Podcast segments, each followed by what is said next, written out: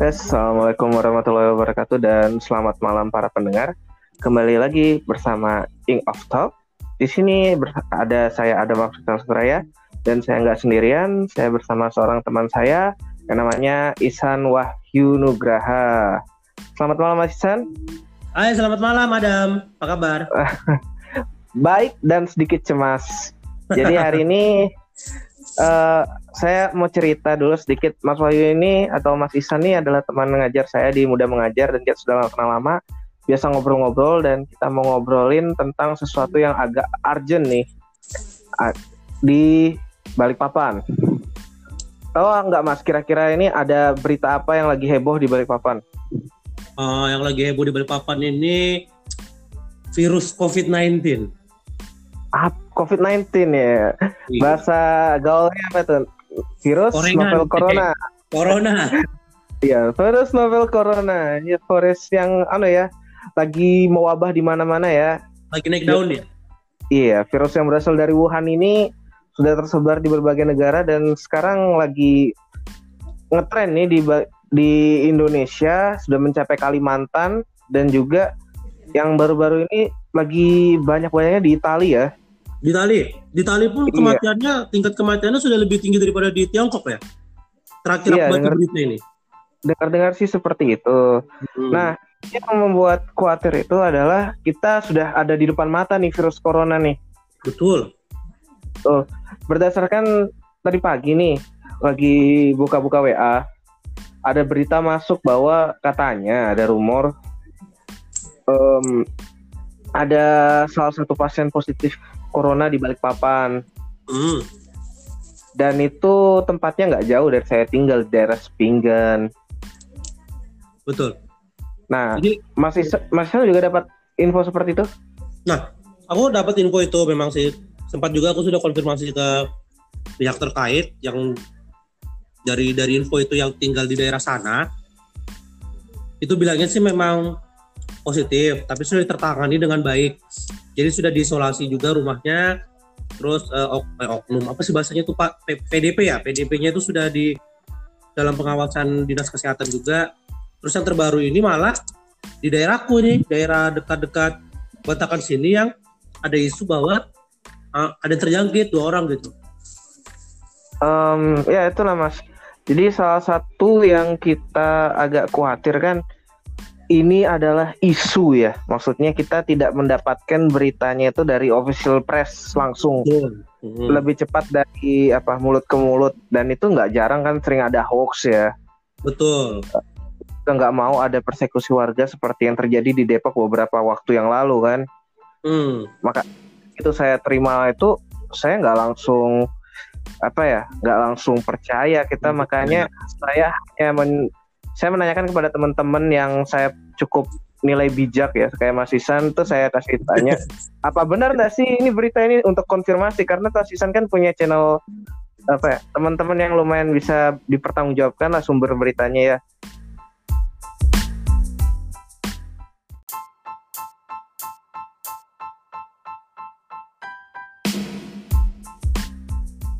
Mas, hmm, jadi ceritanya kan tadi kita ngobrolin nah, oh ya tadi begitu apa ya begitu dapat berita saya nggak bisa langsung percaya kan apalagi bentuknya cuma dari screenshot WA yang nggak ada nomor tujuan dan juga siapa yang bercakap-cakap di situ.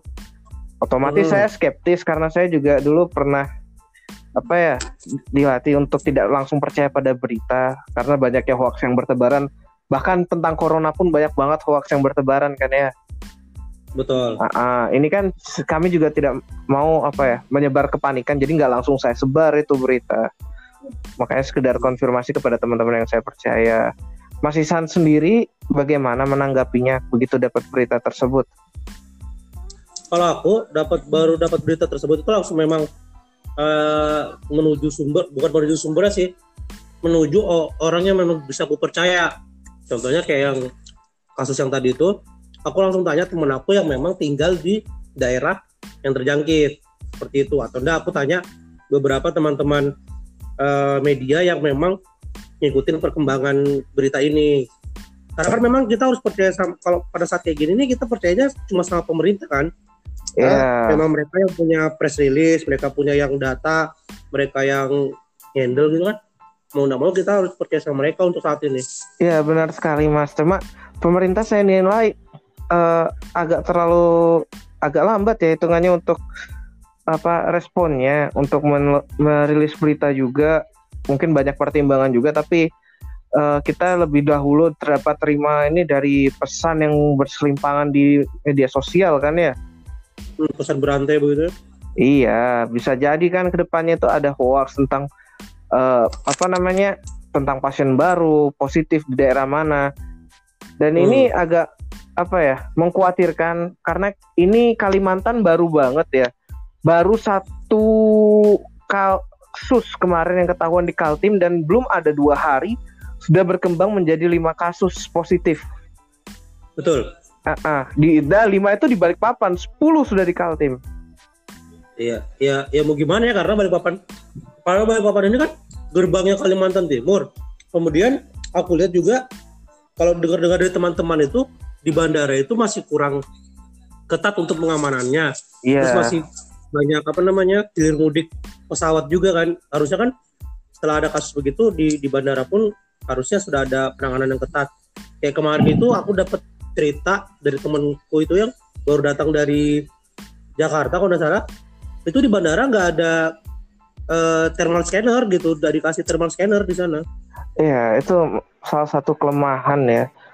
Padahal kita ini adalah satu salah satunya pintu gerbang utama ke Kaltim.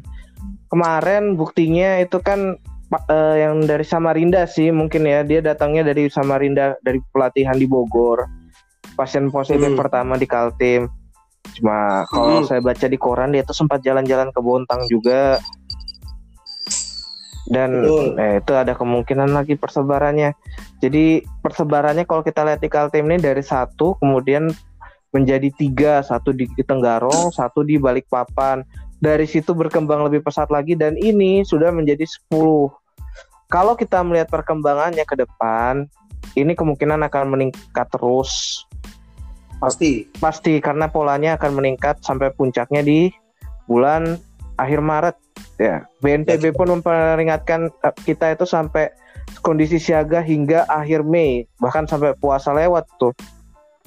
betul itu takutnya nanti pas takutnya sih ini mengganggu ibadah puasa sih karena kan ini pun eh, apa namanya sholat Jumat pun tadi sudah ada beberapa masjid yang meniadakan sholat Jumat gitu kan Iya. takutnya nanti ketika hal ini masih berlanjut Ya, iya. eh, ibadah eh nanti jatuh-jatuhnya malah nggak Terawih gitu Iya, kita traweh online ya, pakai Zoom. Enggak, tapi gini lah Mas. Iya, itu salah satu faktor yang kita harus pertimbangkan juga. Bagaimana kita harus beradaptasi dengan berbagai macam perubahan ini. Kita nggak bisa menganggap enteng karena selama ini menurut aku Indonesia terlalu menganggap enteng penyakit ini. Kau masih nggak waktu ketika dulu di Wuhan pertama kali outbreak pandemik corona banyak banget orang-orang di Indonesia yang membuat jokes tentang corona seakan-akan. Indonesia itu kebal Iya nggak sih Betul. aduh aku tuh masih ingat ada joke bahwa kita itu tidak bisa terkena yang namanya corona karena kita hidup di daerah tropis yang panas katanya seperti itu Hmm. Tapi buktinya kan pasti bermutasi kan. Intinya dari Ya. Cina aja dia sudah bisa sampai ke Afrika yang notabene di sana pun suhunya lebih panas daripada di Oh. Indonesia gitu kan. makanya itu eh, misper- misinformasi yang kita dapatkan itu karena kita tidak apa membaca dari sumber yang tepat kan Da- dirilis Betul. dari WHO juga itu sebenarnya tidak terpengaruh oleh yang namanya suhu kan makanya kayak kita harus tetap waspada juga dan itulah yang harus kita tumbuhkan dalam diri kita itu punya rasa empati. Kalau orang lain menderita bahkan itu negara lain sekalipun kita harusnya bukan membuat apa ya maksudnya Iya, tidak membuat lelucon jatuhnya. maksudnya membuat lucuan ala eh, pada batasnya nggak masalah. Cuma kita jangan meringankan penderitaan mereka gitu loh ya Betul. Nah, mereka tetap menderita dalam salah satu video yang di share teman kita yang namanya Bio itu ada dia sempat nge-share video tentang dokumentari lockdown di Wuhan selama 30 hari. Betapa oh. mengerikannya bagaimana perjuangan orang-orang dokter, perawat dan tenaga medis yang harus berkorban meskipun ditentang keluarganya untuk menyelamatkan pasien-pasien corona yang ada di Wuhan. Harus ikut diisolasi, harus ikut mensterilkan diri, bahkan bagaimana kayak Gojeknya di sana itu korirnya di sana pembawa pesan pembawa barangnya itu memiliki peran penting mengantarkan medical supplies kepada masyarakat yang benar-benar di lockdown tidak boleh keluar. Coba perhatikan sikapnya di Indonesia yang kemarin disuruh stay work from home dilibur bukan diliburkan kerja dari rumah tapi malah pergi ke daerah wisata di puncak. Aduh, aku rasanya miris banget itu.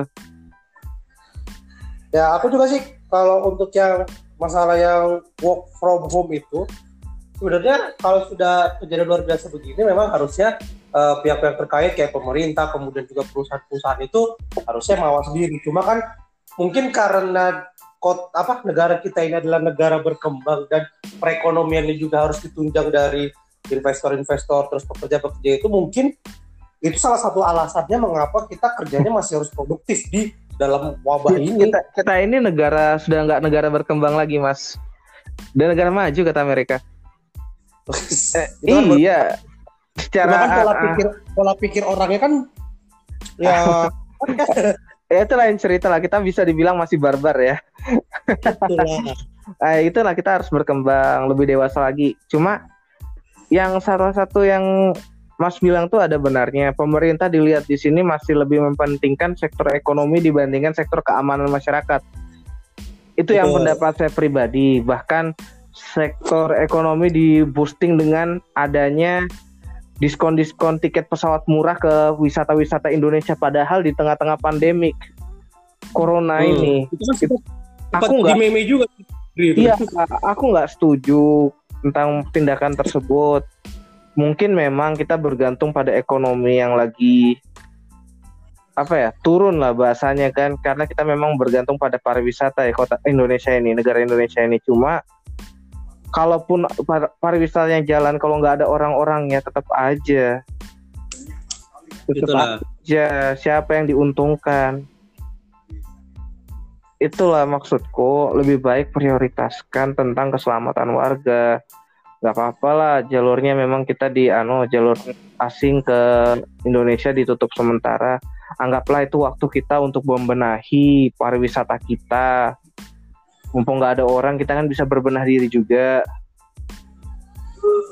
hmm.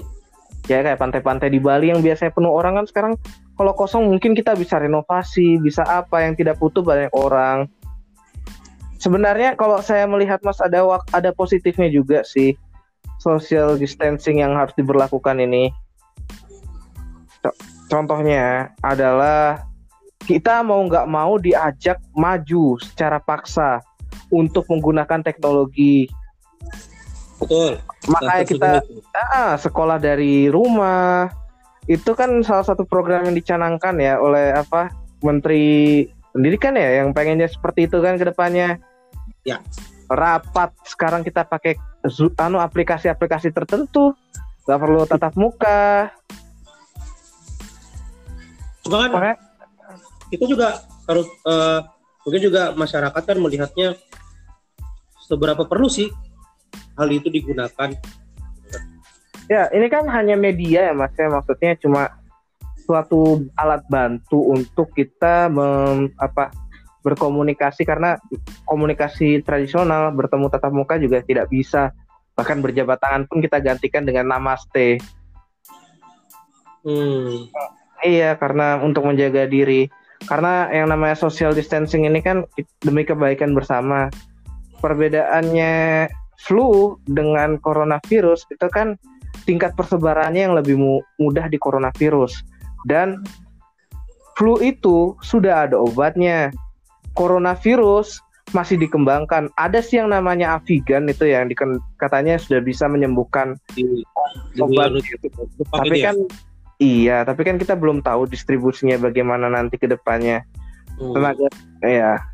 Kebanyakan kematian dari coronavirus kan karena bakteri yang terlalu berkembang karena daya tahan tubuhnya itu atau waktu dia sakit dia tidak dapat ditreat atau dirawat dengan eh, fasilitas medis yang ada. Karena fasilitas medis tidak mencukupi. Makanya kita ingin menekan angka orang yang sakit atau terjangkit coronavirus dengan adanya social distancing. Makanya ini dengan kepentingan kita bersama nggak apa-apa lah kita nggak ketemu satu apa teman-teman yang lain nggak ketemu pacar dulu nggak ketemu yang kita sayangi sementara waktu. Kan kita bisa fit call fit callan dulu ya. Benar. iya cuma ya itulah mas maksudnya masih ada aja orang yang keras kepala tidak mementingkan itu dan membawa musibah ini ke, ke semua orang dia membawa virusnya itu kan tidak ketahuan waktu dia satu atau dua tiga hari pertama tidak Iya. ketemu simptomnya bisa saja dia menyebarkan ke orang lain benda-benda yang dia pegang orang yang dia jamah Gimana lagi? Hmm? Ya itulah kan kita nggak ada yang tahu. Nanti kalau sudah tersebar, kita kan tidak semuanya orang juga bakal memeriksakan diri ke rumah sakit. Betul. Mungkin ada juga ketakutan ketika memeriksakan diri malah ketahuan penyakit-penyakit yang lain. Kan kalau, Iya. kalau- kalau- kalau orang yang banyak yang menjadi korban itu adalah orang-orang yang punya penyakit lain kan selain dari corona ini kan. Bener, mungkin yang dia apa? Mungkin dia anu, mungkin dia sehat, tapi dia menyebarkan kepada orang yang sudah punya penyakit komplikasi, yang punya penyakit pernafasan sebelumnya, kan makin Hmm. parah. Tambah parah nanti bisa meninggal. Makanya ini ke Orang-orang yang kena kayak gitu malah panik, badannya tambah ngedrop. Nah, kan iya, salah satu akibat. kasihan orang sakit, orang tua dan anak-anak yang mereka itu masih bisa diselamatkan Hmm. hanya karena kita tidak mau melakukan social distancing, tidak mau stay di rumah, kita hanya bisa menyebarkan virus-virus tersebut.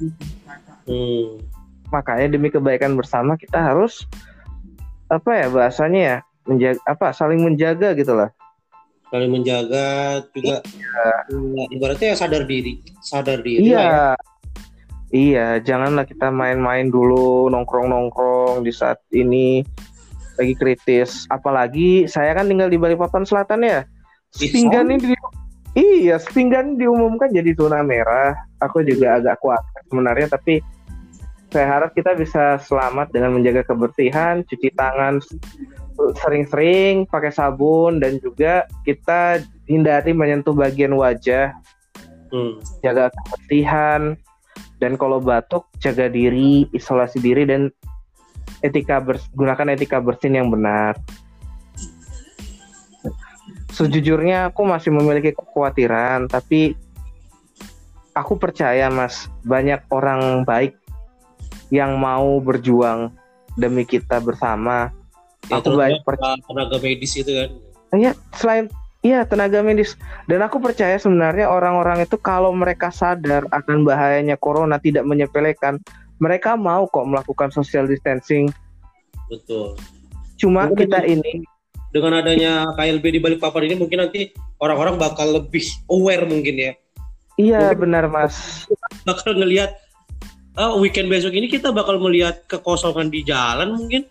Karena sudah beberapa hari ini kan orang sudah mulai aware nih ketika eh, ketahuan ada satu yang kena di Balikpapan itu eh, kegiatan di luar kayaknya sudah mulai berkurang terus banyak juga toko yang sudah tutup, banyak juga perusahaan yang work from home. Benar. PNS pun sudah diliburkan juga kan? Ya enggak, shift aja, shift aja, shift hour. Hmm. Tapi Karena ya infonya mamaku sudah mulai libur gitu kan. kalau guru ya work from home. Ka- Kalau aku ngelihatnya itu benar mas. Kemungkinan besar kita harus menyadari bahwa meskipun ini bisa disembuhkan, tapi fasilitas medis kita itu terbatas untuk menanganinya. Jadi kita demi kebaikan bersama, kita harus menyadari lah tang ini tanggung jawab bersama kita sebersih apa pun kita jaga diri kalau ke orang lain tetap bisa menularin ya tetap aja sama Mm-mm. kamu cuci tanganmu sebersih apa pun ketemu orang lain dia megang kamu tanpa kamu tahu ya podo wae Ya aku juga khawatir apalagi aku punya istri lagi bunting. ya itulah. Iya dan ini adalah di mana kita diuji di mana kita punya kesas apa em, kua apa ya kesadaran bahwa kita ini di sini bersama-sama tuh punya masalah bareng. Nggak nggak sendirian. Covid ini masalah kita bersama nggak bisa kita selesaikan secara individual nah itu juga harus dicerminkan pada tindakan kita jangan sampai ada penimbunan misalnya Ya, kita beli itu. Iya, beli masker susahnya minta ampun. Beli anti susahnya minta ampun. Kemarin beli alkohol yang biasa harga 8.000 jadi 13.000.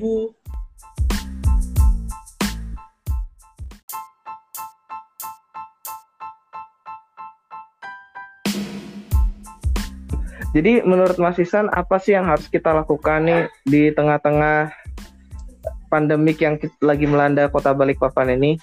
Kalau saran saya sih satu, jangan panik dulu. Ya, itu yang pertama jangan panik. Yang kedua itu eh, konfirmasi berita-berita yang tersebar melalui pesan berantai itu benar atau tidak. Hmm. Yang ketiga mungkin ya kita eh, patuhlah kepada pemerintah, terus percaya kepada pemerintah. Pasti pemerintah mengupayakan yang terbaik buat warganya, itu pasti. Dan yang keempat mungkin ya kita sadar diri dengan cara setidaknya ketika ada eh, lokal lockdown ya kita pun harus me- apa bahasanya mengisolasi diri, mengisolasi mandiri sih kalau karena sudah ter, Ya. ada terjangkit seperti itu. Ya. Ya, tetap di rumah ya, Tetap di agar rumah. tetap di rumah.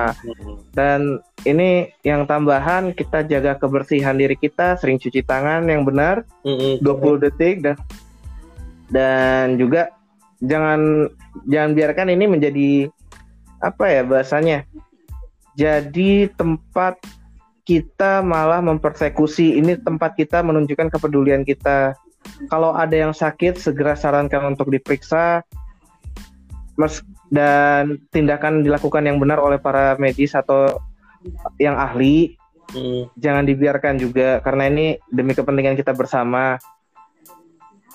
Ada call center yang telah disediakan dan juga bisa memeriksakan diri ya Mas ya ke rumah sakit ya. Bisa. Jadi kalau kalau uh, ada tadi saran, jadi kalau misalnya sudah ada gejala gitu, lebih baik langsung periksakan diri aja. Eh, nanti itu semua biaya ditanggung kalau misalnya positif, itu semua biaya ditanggung di sama pemerintah kok. Ya, jadi jangan takut untuk memeriksakan diri. 19 bisa sembuh. Iya, COVID-19 masih bisa sembuh. Tugas kita adalah menekan angka yang terjangkit. Mm-mm. Jangan sampai melebihi fasilitas medis yang ada karena di Balikpapan ini baru ada di Kanujoso setahu saya. Ya itu cuma kalau nggak salah dise- disediakan sekitar 50 50 bed sih kalau nggak salah tidak aku kemarin Oh, na- naik lagi ya 50 bed sekarang ya. Terakhir saya baca itu 10, 50 baru- karena kan ditambah di 20. rumah sakit tentara juga buka itu jadi kan dua rumah sakit rujukannya kan rumah sakit tentara yang untuk isolasi ya Oh. rumah sakit tentara sama rumah sakit RSKD Oh, berarti udah nambah ya. Terakhir saya baca itu 10, habis itu 20, sekarang sudah sampai 50. Saya harap tidak sampai lagi, tidak sampai ada yang lebih lagi. betul Kalau bisa fasilitasnya nambah aja disediakan dulu tapi jangan sampai coronanya bisa menyebar lagi dan tapi sesuai ekspektasi ini akan datang. Pandemik ini akan datang, kita harus bersiap-siap. Jangan panik buying, beli secukupnya aja karena kita ini bareng-bareng ya. Hmm. Jangan nanti diborong semua, mie instan dihabisin semua. tambah sakit kalau makan mie instan terus ya, bahan-bahan pangan juga jangan diborong sendiri ya, tambah gemuk nanti kita nggak bisa gerak olahraga di rumah doang secukupnya aja. betul Eh, bukan enjoy tapi tetap waspada, kita tetap saling mendukung, maksudnya saling menjaga satu sama lain karena kalau satu sakit semua sakit lah hitungannya di sini nih. Ya kan mau berapapun satu orang kan bisa menyebarkan ke lima orang kalau udah satu sembuh ya lima lainnya gimana belum tahu. karena tidak semua orang punya imun yang bagus Iya, saya dan gini loh, kita kan sudah lama hidup di kota Balikpapan. Banyak orang yang kita kenal di sini, jangan sampai lah orang yang kita kenal bisa menjadi korban corona gitu kan. Sayang gitu. Sakit apa namanya? Kita juga sayang sama teman-teman kita. Aku nggak bisa bayangin kalau misalnya keluarga kita, teman-teman kita sakit gara-gara corona, apalagi meninggal gara-gara corona kan yang sebenarnya dapat dihindari hanya karena tidak ada kesadaran teman semua orang itu kan. Jangan sampai makanya kita harus menumbuhkan kesadarannya. Nggak apa-apa lah kita dibilang paranoid nggak apa-apa lah kita dibilang apa ya tapi jangan di, jangan jangan panik ya maksudnya beda ya kita tunjukkan kewaspadaan kita aja. Karena waspada yang itu adalah standarnya. Jangan sampai kita dibilang waspada dibilang kita parno. Memang standarnya itu kalau kayak gitu ya lockdown ya eh bukan lockdown kalau disuruh stay at home ya stay at home. Jadi bilang ah kamu malah stay at home. Itu kan kamu parno banget. Memang standarnya seperti itu. Jangan di ja- apa jadi bedakan ya. Iya. Apalagi itu untuk Ya, aku- khusus untuk anak-anak itu. Ini benar. dimanfaatkan untuk belajar tapi malah main di warnet jalan-jalan ke mall. Susah sekali. Tahu ya itulah mas ya. Semoga kita bisa menjaga kesehatan kita. Hmm. dan untuk para pendengar terima kasih banyak. Yap. jangan lupa untuk jaga kebersihan. Besar harapan saya kalian semua selamat dan masih bisa mendengarkan podcast podcast selanjutnya. Ya untuk masih terima kasih banyak ya udah menemani. Wah. mungkin besok kita bikin lagi mic-nya kita upgrade lebih bagus lagi. Jadi kita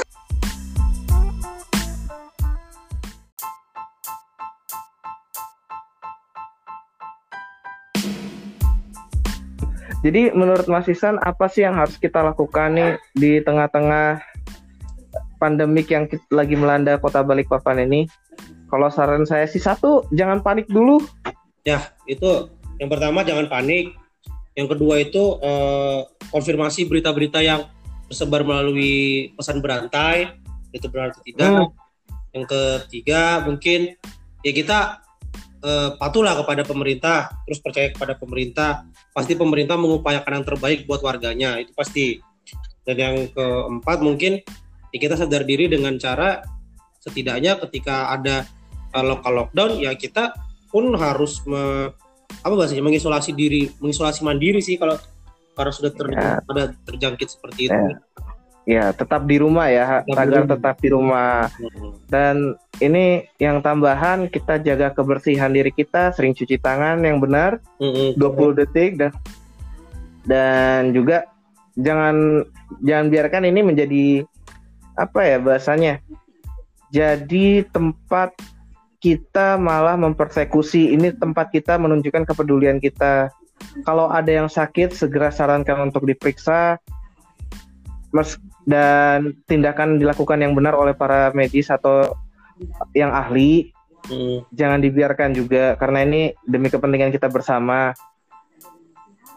Ada call center yang telah disediakan dan juga bisa memeriksakan diri ya Mas ya ke rumah sakit ya. Bisa. Jadi kalau kalau uh, ada tadi saran, jadi kalau misalnya sudah ada gejala gitu, lebih baik langsung periksakan diri aja. Uh, nanti itu semua biaya ditanggung kalau misalnya positif, itu semua biaya ditanggung di sama pemerintah kok. Ya, jadi jangan takut untuk memeriksakan diri. 19 bisa sembuh. Iya, COVID-19 masih bisa sembuh. Tugas kita adalah menekan angka yang terjangkit. Mm-mm. Jangan sampai melebihi fasilitas medis yang ada karena di Balikpapan ini baru ada di Kanu Joso setahu saya. Ya itu cuma kalau nggak salah dise- disediakan sekitar 50 50 bed sih kalau nggak salah tidak kemarin Oh, na- naik lagi ya 50 bed sekarang ya. Terakhir saya baca itu 10, 50 baru- karena kan ditambah di 20. rumah sakit tentara juga buka itu jadi kan dua rumah sakit rujukannya kan rumah sakit tentara yang untuk isolasi ya Oh. rumah sakit tentara sama rumah sakit RSKD Oh, berarti udah nambah ya. Terakhir saya baca itu 10, habis itu 20, sekarang sudah sampai 50. Saya harap tidak sampai lagi, tidak sampai ada yang lebih lagi. betul Kalau bisa fasilitasnya nambah aja disediakan dulu, tapi jangan sampai coronanya bisa menyebar lagi dan tapi sesuai ekspektasi ini akan datang. pandemi ini akan datang kita harus bersiap-siap jangan panik buying beli secukupnya aja karena kita ini bareng-bareng ya Hmm. jangan nanti diborong semua mie instan dihabisin semua Tambah sakit kalau makan mie instan terus. ya bahan-bahan pangan juga jangan diborong sendiri ya tambah gemuk nanti kita nggak bisa gerak olahraga di rumah doang secukupnya aja Betul. Eh, bukan enjoy tapi tetap waspada kita tetap saling mendukung maksudnya saling menjaga satu sama lain karena kalau satu sakit semua sakit lah hitungannya di sini nih Yap. ya kan mau berapapun satu orang kan bisa menyebarkan ke lima orang kalau udah satu sembuh ya lima lainnya gimana belum tahu Karena nggak semua orang punya imun yang bagus. Iya, saya dan gini loh, kita kan sudah lama hidup di kota Balikpapan. Banyak orang yang kita kenal di sini, jangan sampai lah orang yang kita kenal bisa menjadi korban corona gitu kan. Sayang gitu, sakit apa namanya? Kita juga sayang sama teman-teman kita. Aku nggak bisa bayangin kalau misalnya keluarga kita, teman-teman kita sakit gara-gara corona, apalagi meninggal gara-gara corona kan.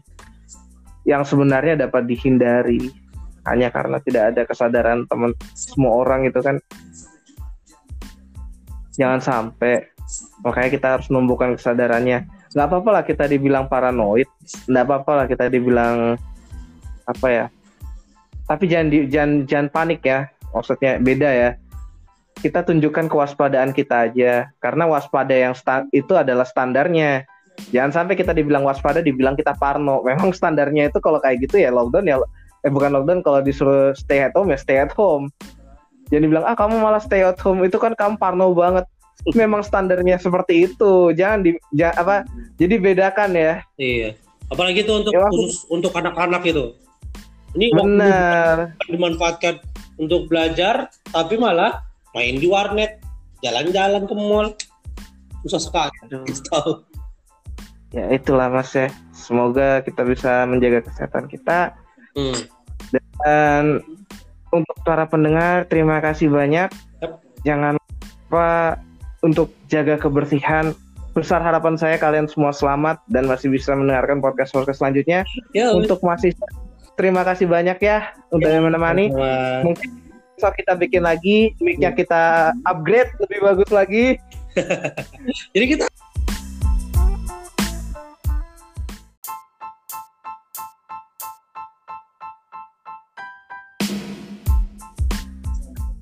terima kasih sekali lagi Mas Isan. Ya saya ada Mafri Suraya dan teman saya Isan Wahyu Nugraha yang mengundurkan diri. Terima kasih para pendengar. Dadah. Udah